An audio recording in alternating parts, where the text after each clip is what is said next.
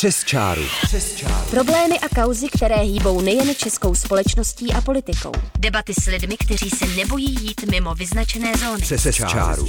Přes čáru na rádiu Wave. Ze studia Rádia Wave zdraví Alžběta Metková. Posloucháte magazín Přes čáru. Dnes se budeme věnovat různým aspektům práva, mezinárodního práva, termínům jako univerzální jurisdikce, mezinárodní tribunály nebo klimatické soudní komise. Právě v souvislosti s klimatickou krizí a svoláním klimatického hnutí po potrestání případných vyníků budeme tyto termíny možná slýchat čím dál častěji. Přes čáru. Přes čáru. Přes čáru na rádiu Wave. Mými hosty jsou odborník na mezinárodní právo, profesor právnické fakulty Univerzity Karlovy Pavel Šturma. Dobrý den. Dobrý den. A zástupce hnutí Limity jsme my, Radek Kubala. Dobrý den, děkuji za pozvání. Nejprve se budeme tedy věnovat těm klasickým válečným zločinům. Jedním z podnětů, které nás vedly k tomu natočit díl právě o tomto tématu byly, kromě zmíněné diskuze o těch údajných klimatických zločinech, také zprávy o tom, že například němečtí právníci eh, by chtěli soudit syrské válečné zločince, ale to ne za zločiny, které by spáchali v Německu a na německých občanech, ale za ty, které měli provést v Sýrii například.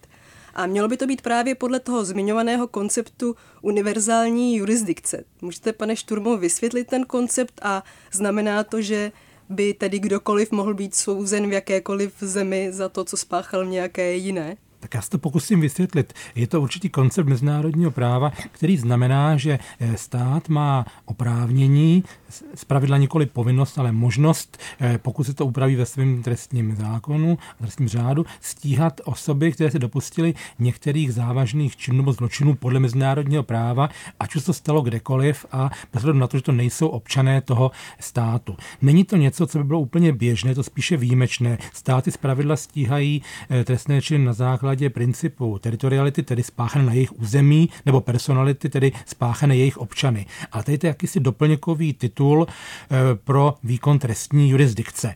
V některých případech existují mezinárodní smlouvy, podle kterých státy by tady eh, tuhle jurisdikci měly uplatňovat. Najdeme to například ve vztahu eh, k části válečných zločinů, tedy závažných porušení ženevských úmluv ochraně obětí války z roku 1949, anebo v úmluvě OSN proti mučení ale eh, samozřejmě někdy eh, se to ještě vztahuje na některé další zločiny podle mezinárodního práva, ale spíše na omezený okruh těch nejzávažnějších eh, činů, které by neměly zůstat nepotrestány. Ale samozřejmě je to doplňkové, pouze se to uplatní tehdy, pokud eh, ten stát, kdyby měl nějaký silnější titul, tedy území nebo občanství, eh, není ochoten nebo eh, schopen ten trestní postih zajistit.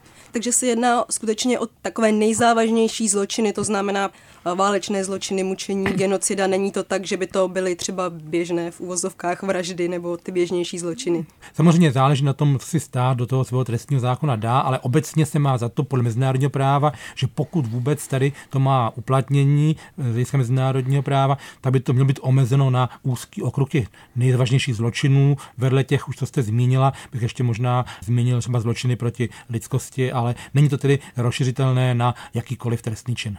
Mhm.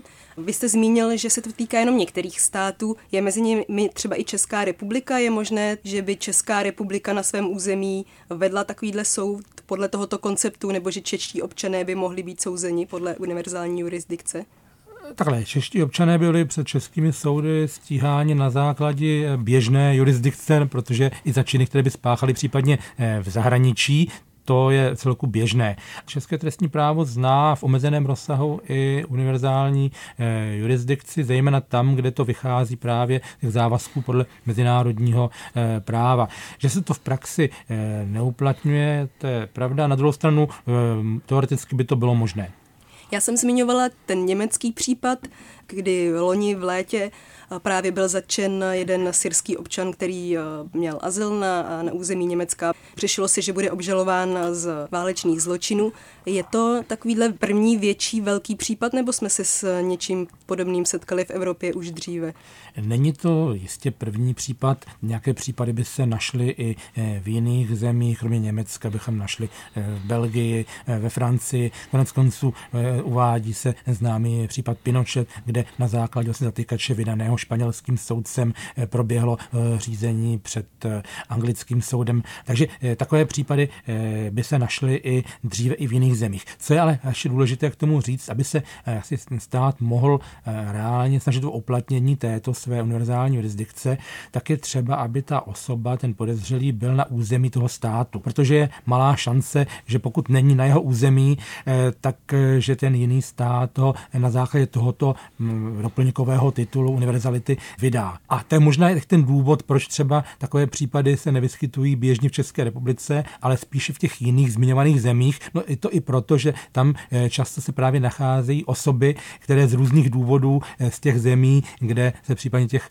zločinů dopustili, odešli, utekli a nebo nějakým jiným způsobem prostě se tam uchýlili nebo tam přicestovali a proto tedy bylo možné to řízení zahájit. To je ten vlastně rozdíl oproti nějakým těm mezinárodním tribunálům, kdy když je na člověka vydán zatýkač, tak může být tedy začen v podstatě v jakékoliv zemi. Tak ono to samozřejmě platí někdy i pro tu spolupráci v trestních věcech mezi státy, že mezinárodní zatýkač také může vydat stát a většinou ta spolupráce existuje. Samozřejmě u těchto těch zločinů, které mají ten mezinárodní rozměr a často tedy i ten politický rozměr, eh, je samozřejmě schůdnější a mezinárodní, mezinárodní práva preferovaná cesta, pokud tady existuje nějaký mezinárodní trestní soud nebo tribunál, který má jurisdikci ve vztahu k těmto e, zločinům. Ono se jedná většinou o ty podobné už zmiňované e, zločiny. Ovšem tady samozřejmě je to výhodnější z toho důvodu, že v případě, že se jedná o řízení před takovým mezinárodním trestním tribunálem,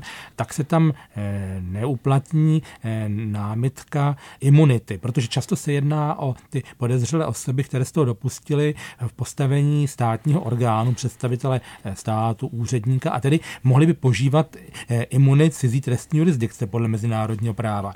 To je ta výhoda právě řízení před Mezinárodním trestním soudem nebo tribunálem a eh, nevýhoda v případě, že se jedná o to vnitrostátní stíhání na základě univerzální jurisdikce, kde u osob, které nejsou chráněny touto imunitou, to je možné si představit, ale u některých těch největších ryb, tedy těch, kteří by organizovali nebo báchali takovéto e, zločiny, tak e, stát by v podstatě e, nemohl se e, do toho pustit. Teď se podíváme právě na ty klimatické zločiny, protože o těch se teď začíná jakoby mluvit, nebo o údajných klimatických zločinech, možná, aby jsme byli přesní. V roce 2014 totiž v New Yorku během klimatického samitu OSN proběhl Mezinárodní soudní dvůr pro klimatické zločiny. Můžete, pane Kubalo, přiblížit, o co se tehdy jednalo? V rámci hnutí eh, za klimatickou spravedlnost eh, jsou, dejme tomu, dva přístupy, jak eh, přistupovat k těmto právním otázkám. Jeden z těch přístupů, ten se nazývá litigace a to je v podstatě způsob, kdy vy nebo nějaká skupina lidí žaluje stát za to, že nedodržuje svoje zákony nebo něco, k čemu se zavazuje. Například Česká republika má v listině základních práv a svobod, že každý člověk má právo na zdravé životní prostředí a budoucnost. Ty litigační mechanismy nebo ty litigace tak využívají právě toho, že žalují stát za to, že nedodržuje přesně tyhle základní práva svobody.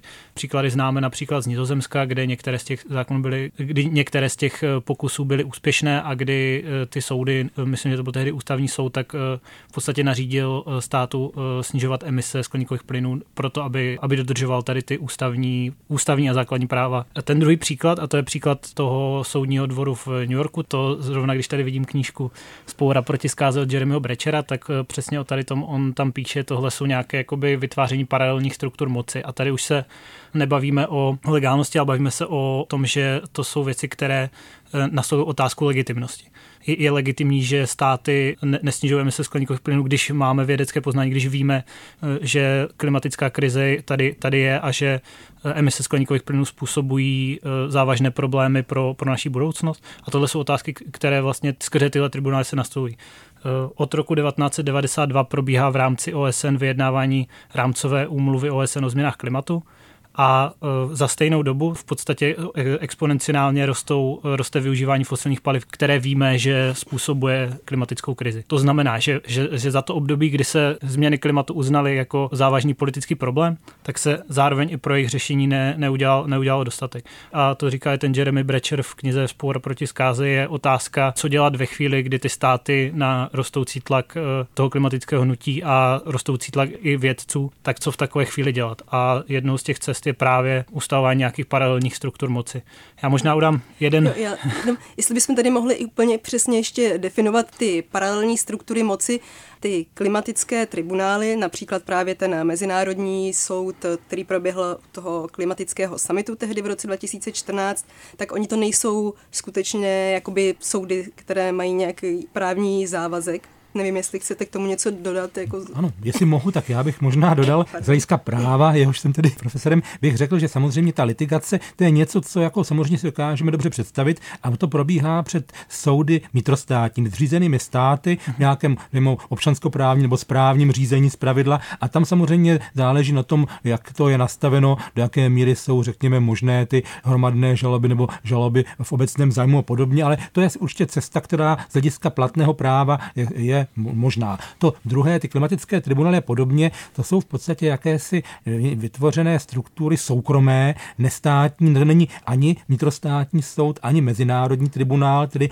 není to zřízeno ani na základě národního, ani mezinárodního práva. Nemá to tedy tu pravomoc, aby to někoho předvolalo, zatklo, odsoudilo, ať už k nějaké pokutě nebo eh, v trestním eh, sankcím, ale má to tu rovinu jenom morální. To znamená, neznamená to, že by to eh, nemělo nějaký význam, ale je jako nutné odlišovat od té roviny eh, právní, kde máme nějakou přesně vymezenou eh, pravomoc a možnosti ukládání sankcí. No, pro, proto já jsem mluvil vlastně o té legitimitě. Já uvedu konkrétní příklad. V současnosti v Česku vznikla uhelná komise, která řeší způsob, jakým se Česko ukončí těžbu a spalování uhlí. A v podstatě, když se podíváte na tu uhelnou komisi, která má 19 členů, tak zjistíte, že většina z nich jsou buď to politici, nebo jsou tam i zástupci průmyslu a jsou tam dva věci, z nichž jeden eh, pan profesor Edlička podle jeho vyjádření, které dává do médií, tak eh, ty nesouzní s vědeckým poznáním o klimatické krizi a o, tom, že ji způsobuje člověk. My jako hnutí my jsme my například v současnosti, ale já nebudu o tom mluvit dopodrobna, protože to jsme to ještě nepředstavili, ale pracujeme na vytváření právě nějaké jako, eh, nějakého procesu, jakým do toho, do toho procesu rozhodování zahrnout například klimatology, kteří tam chybí, například lidi, kteří žijou v tom regionu přímo a, a snažíme snažíme se jim dát nějakým způsobem hlas. Tohle je třeba například způsob, vzniká to z dola, vzniká to z toho důvodu, že my tu uh, uhelnou komisi považujeme za, že, že nemá takovou legitimitu z toho důvodu, že tam chybí, uh, chybí větší množství zástupců, například akademické obce, že tam chybí právě lidi zasažení tou, tou těžbou. Tohle je konkrétně způsob, jak, jak do veřejné debaty vtáhnout tyhle hlasy a dát vlastně uh, rozhodovat o nějakém jako širším, širším řešení.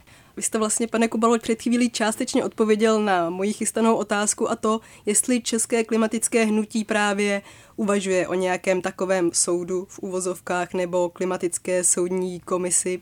Ono, zejména v tom postkomunistickém prostoru, je třeba tady nahlížet na všechny tyhle věci dost, dost opatrně. My se jako země máme bohatou zkušenost s za, zase politi- po, politickými procesy, politickou ideologií, která jako dá se říct většinu těchto pojmů, o kterých píše Jeremy Brecher v té knize, tak nějakým způsobem pochybňuje a ukazuje jakoby stinné stránky toho, kam, kam to může dojít. Já jsem u, už mluvil o tom příkladu té kontrauhelné komise nebo stínové uhelné komise. To je jeden z příkladů, jak, který vla, právě vychází z dola.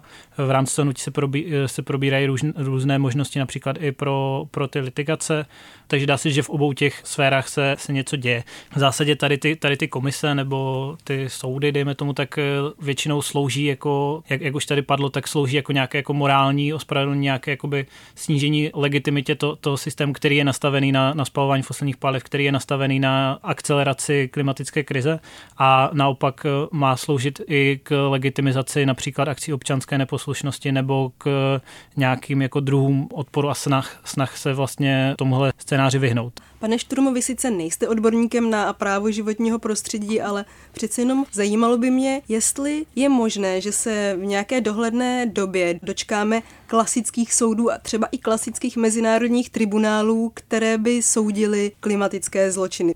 Tak to otázka je zajímavá a samozřejmě je těžké přesně odhadovat, co se stane eh, v právu. Ten vývoj tam probíhá určitě ano a mezinárodní právo samozřejmě obsahuje celou řadu principů a konkrétních pravidel, které se týkají ochrany životního prostředí, klimatických změn a tak dále. A nejenom soft law, ale tedy i e, smluvní závazky e, tam jsou, které jsou nějakým způsobem kontrolovatelné. To je první. Druhá věc je, že reálně už existují i některé případy sporů, které by před mezinárodními soudy, těmi skutečnými, tedy jako Mezinárodní soudní dvůr pro řešení sporů mezi státy, tam je, není úplně e, ojedinělý, že jsou případy sporů, které se vlastně týkají sporu o životní prostředí. Jeden, jeden stát proti druhému státu si stěžuje na nějaké poškozování životního prostředí.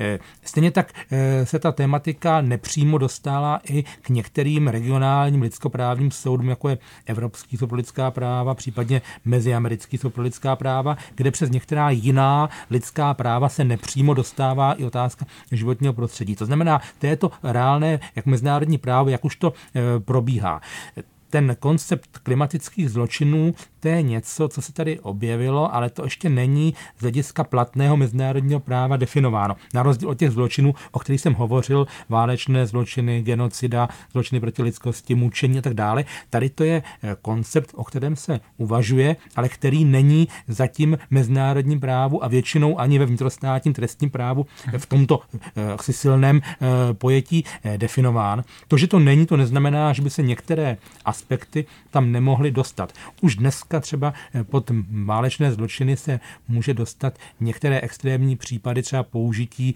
změn na životním prostředí jako prostředku vedení eh, boje. Samozřejmě musí to být závažné, úmyslné a tak dále. Ale to je trošku něco jiného od toho problému, o kterém tady hovořil kolega, kde se jedná eh, nikoli o problém ozbrojených konfliktů, ale vlastně o ty v vozovkách normální průběh, tedy využívání fosilních paliv, průmysl, doprava a tak dále. To samozřejmě v té rovině e, zločinu e, takto vymezeno e, není, ale samozřejmě proto je to něco, co můžeme uvažovat jenom z hlediska nějakého dalšího vývoje a pravděpodobně by to bylo omezeno jenom na některé ty nejzávažnější případy, k tomu asi ještě úmyslného poškozování životního prostředí, klimatu a tak dále. Asi by to nebylo v tom širokém slova smyslu bráno jako mezinárodní zločin.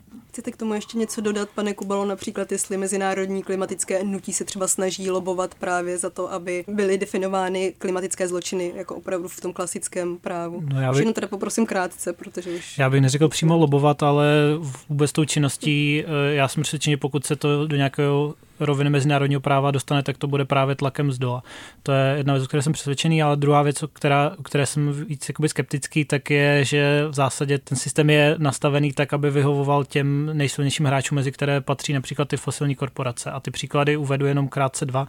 Jeden je, že mezinárodní umluvy, které vznikají v rámci toho procesu OSN, umluvy eh, OSN o změnách klimatu, jako je pařížská dohoda, tak nejsou právně závazné eh, a nedá se v zásadě ty cíle nějak vymáhat. Takže když se stát rozhodne, že ty cíle klimatické, které i v současnosti nejsou dostatečné, tak v zásadě není, není možnost, jak je nějakým způsobem vymoc. A tím druhým příkladem jsou mezinárodní arbitráže, kdy například pokud se nějaký stát rozhodne regulovat uhelný průmysl nebo skončit s těžbou uhlí, tak eh, na, na základě těch mezinárodních arbitráží některé firmy mohou žádat o v zásadě skrze mezinárodní arbitráž o nějaké kompenzace nebo další peníze. Takže to jsou dva důvody, proč já jsem k tomu skeptičtější, že by se to podařilo řešit nějakým způsobem takhle mezinárodně. Já vám moc děkuji a vy chcete jenom tedy ano, reagovat, jenom pane doplnit krátce k těm mezinárodním investičním arbitrážím, což je taky velice zajímavé téma, kterým se trochu zabývám. Tady samozřejmě tohle to, e, riziko je a ta snaha některých silných korporací využívat e, ty dohody o ochraně investic k žalobám proti státům jistě hrozí, ale to ještě neznamená, že to vždycky je nutně vítězství korporace, porážka státu. Naopak i v této oblasti je vývoj směřuje k tomu, že se státy se snaží tam prosazovat a těch novějších dohod daleko silnější právo, regulovat v rámci veřejného zájmu, to znamená i ve vztahu ochraně životního prostředí, udržitelného rozvoje, ochrany e, zdraví a tak dále. To znamená, že to jsou určité aspekty, které už dneska v některých arbitrážích se uplatnily v rámci obhajoby e, státu úspěšně. Tady to je opět vidět, že i v mezinárodním právu v této oblasti se taky něco děje a se to vyvíjí a tyto zájmy se tam e, snaží tedy státy prosazovat, protože si uvědomují právě ta rizika, která by to mohlo přinést v případě těch svévolných žalob některých investorů. Což je zase způsobeno tím tlakem do toho hnutí z mého pohledu. Tak budeme doufat, že to tedy dopadne dobře v prospěch občanů jak České republiky, tak občanů celé planety.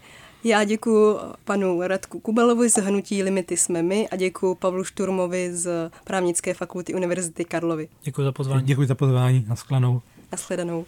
Přes čáru. Přes čáru. Problémy a kauzy, které hýbou nejen českou společností a politikou. Debaty s lidmi, kteří se nebojí jít mimo vyznačené zóny. Přes, Přes čáru.